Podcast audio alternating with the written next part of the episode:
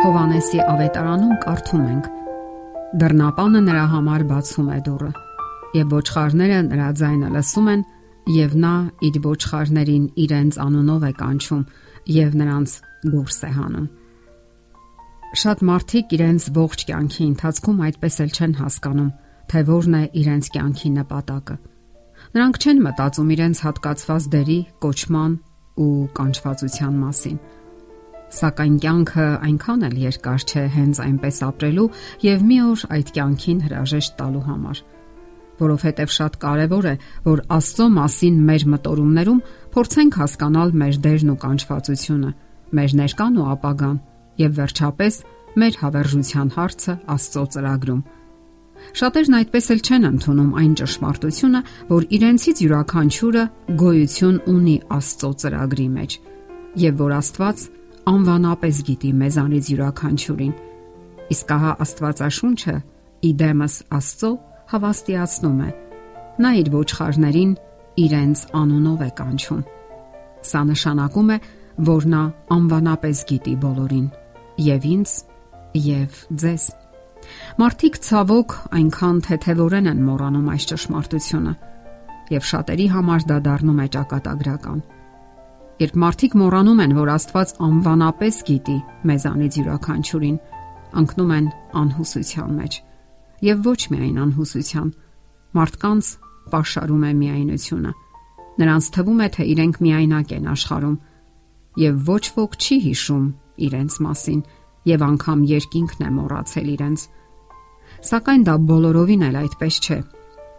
Ավետարանի ծառայողներից մեկը Պիտեր Մարշալը գրում է, թե ինչպես է Աստված գործել իր կյանքում։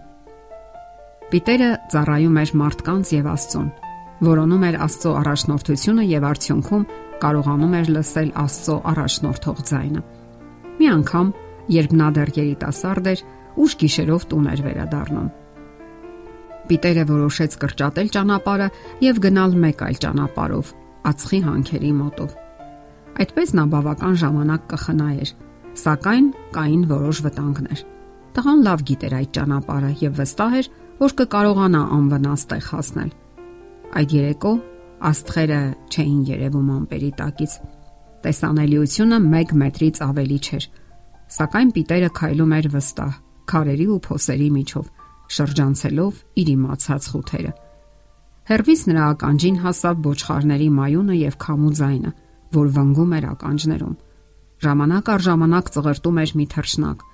թևերն էր շփշփացնում անքուն բուն, եւ այնուամենայնիվ նա միայնակ էր այդ գիշեր։ Հանկարծ նա մի ձայն լսեց։ Հանդարտ ու վճռական ձայնը իր անունը տվեց։ Պիտեր։ Պիտերը կանգ առավ։ Մթության մեջ այս ու այն կողմ նայեց եւ ասաց. Լսում եմ, այդ ով է։ Ինչ եք ցանկանում։ Պատասխան չկա։ Լսվում էր միայն քամուց օրորվող տերևների մեղմ շրշյունը։ Տղային թվաց, թե դա ընդհանրապես խապկանք է եւ շարունակեց ճանապարհը։ Ձայնը կրկնեց. Պիտեր։ Միայն այս անգամ ավելի հաստատուն։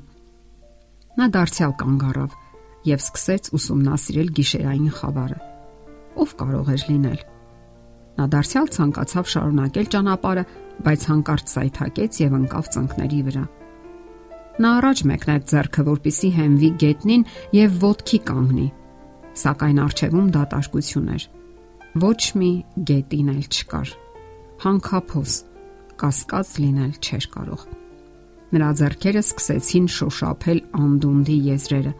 Այո, նա հանքափոսի անդունդի հենց ծայրին էր։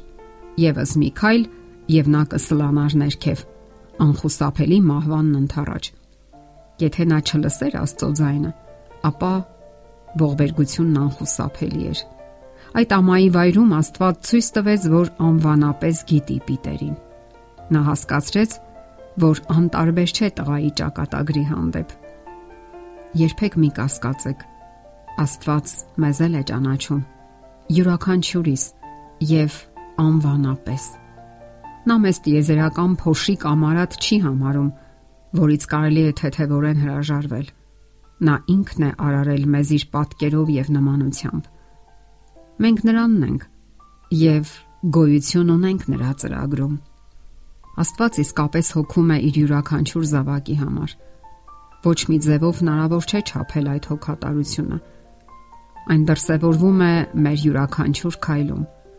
Այնինչ անհանգստացնում է մեզ, անհանգստացնում է նաև նրան։ Այնինչ ցավ է պատճառում մեզ, ցավ է պատճառում նաև նրան։ Չէ՞ որ մենք նրա զավակներն ենք։ Նրա շահերն ու հետաքրքրությունները սերտորեն կապված են մեր շահերին։ Մեզ վերաբերող չնչին բաներն անգամ չեն վրիպում նրա ամենատես աչքից։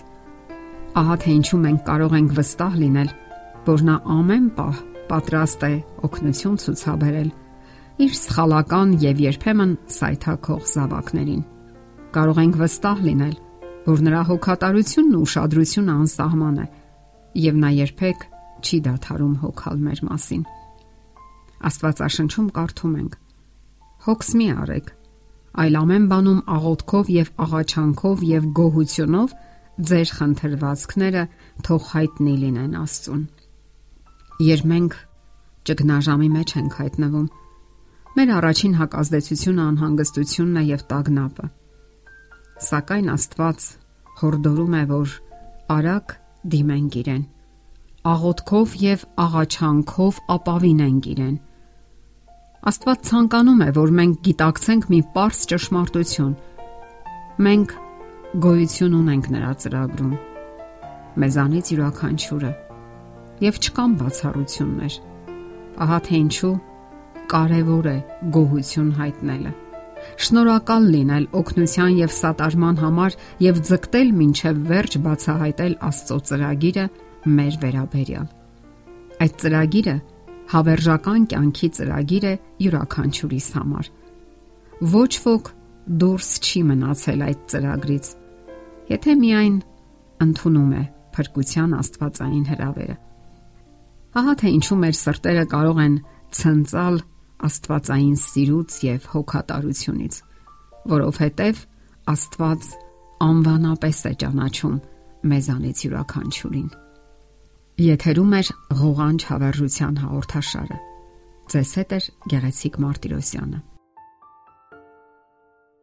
Հարցերի եւ առաջարկությունների դեպքում զանգահարեք 094 08 2093 հեռախոսահամարով։ Հետևեք մեզ hopmedia.am հասցեով։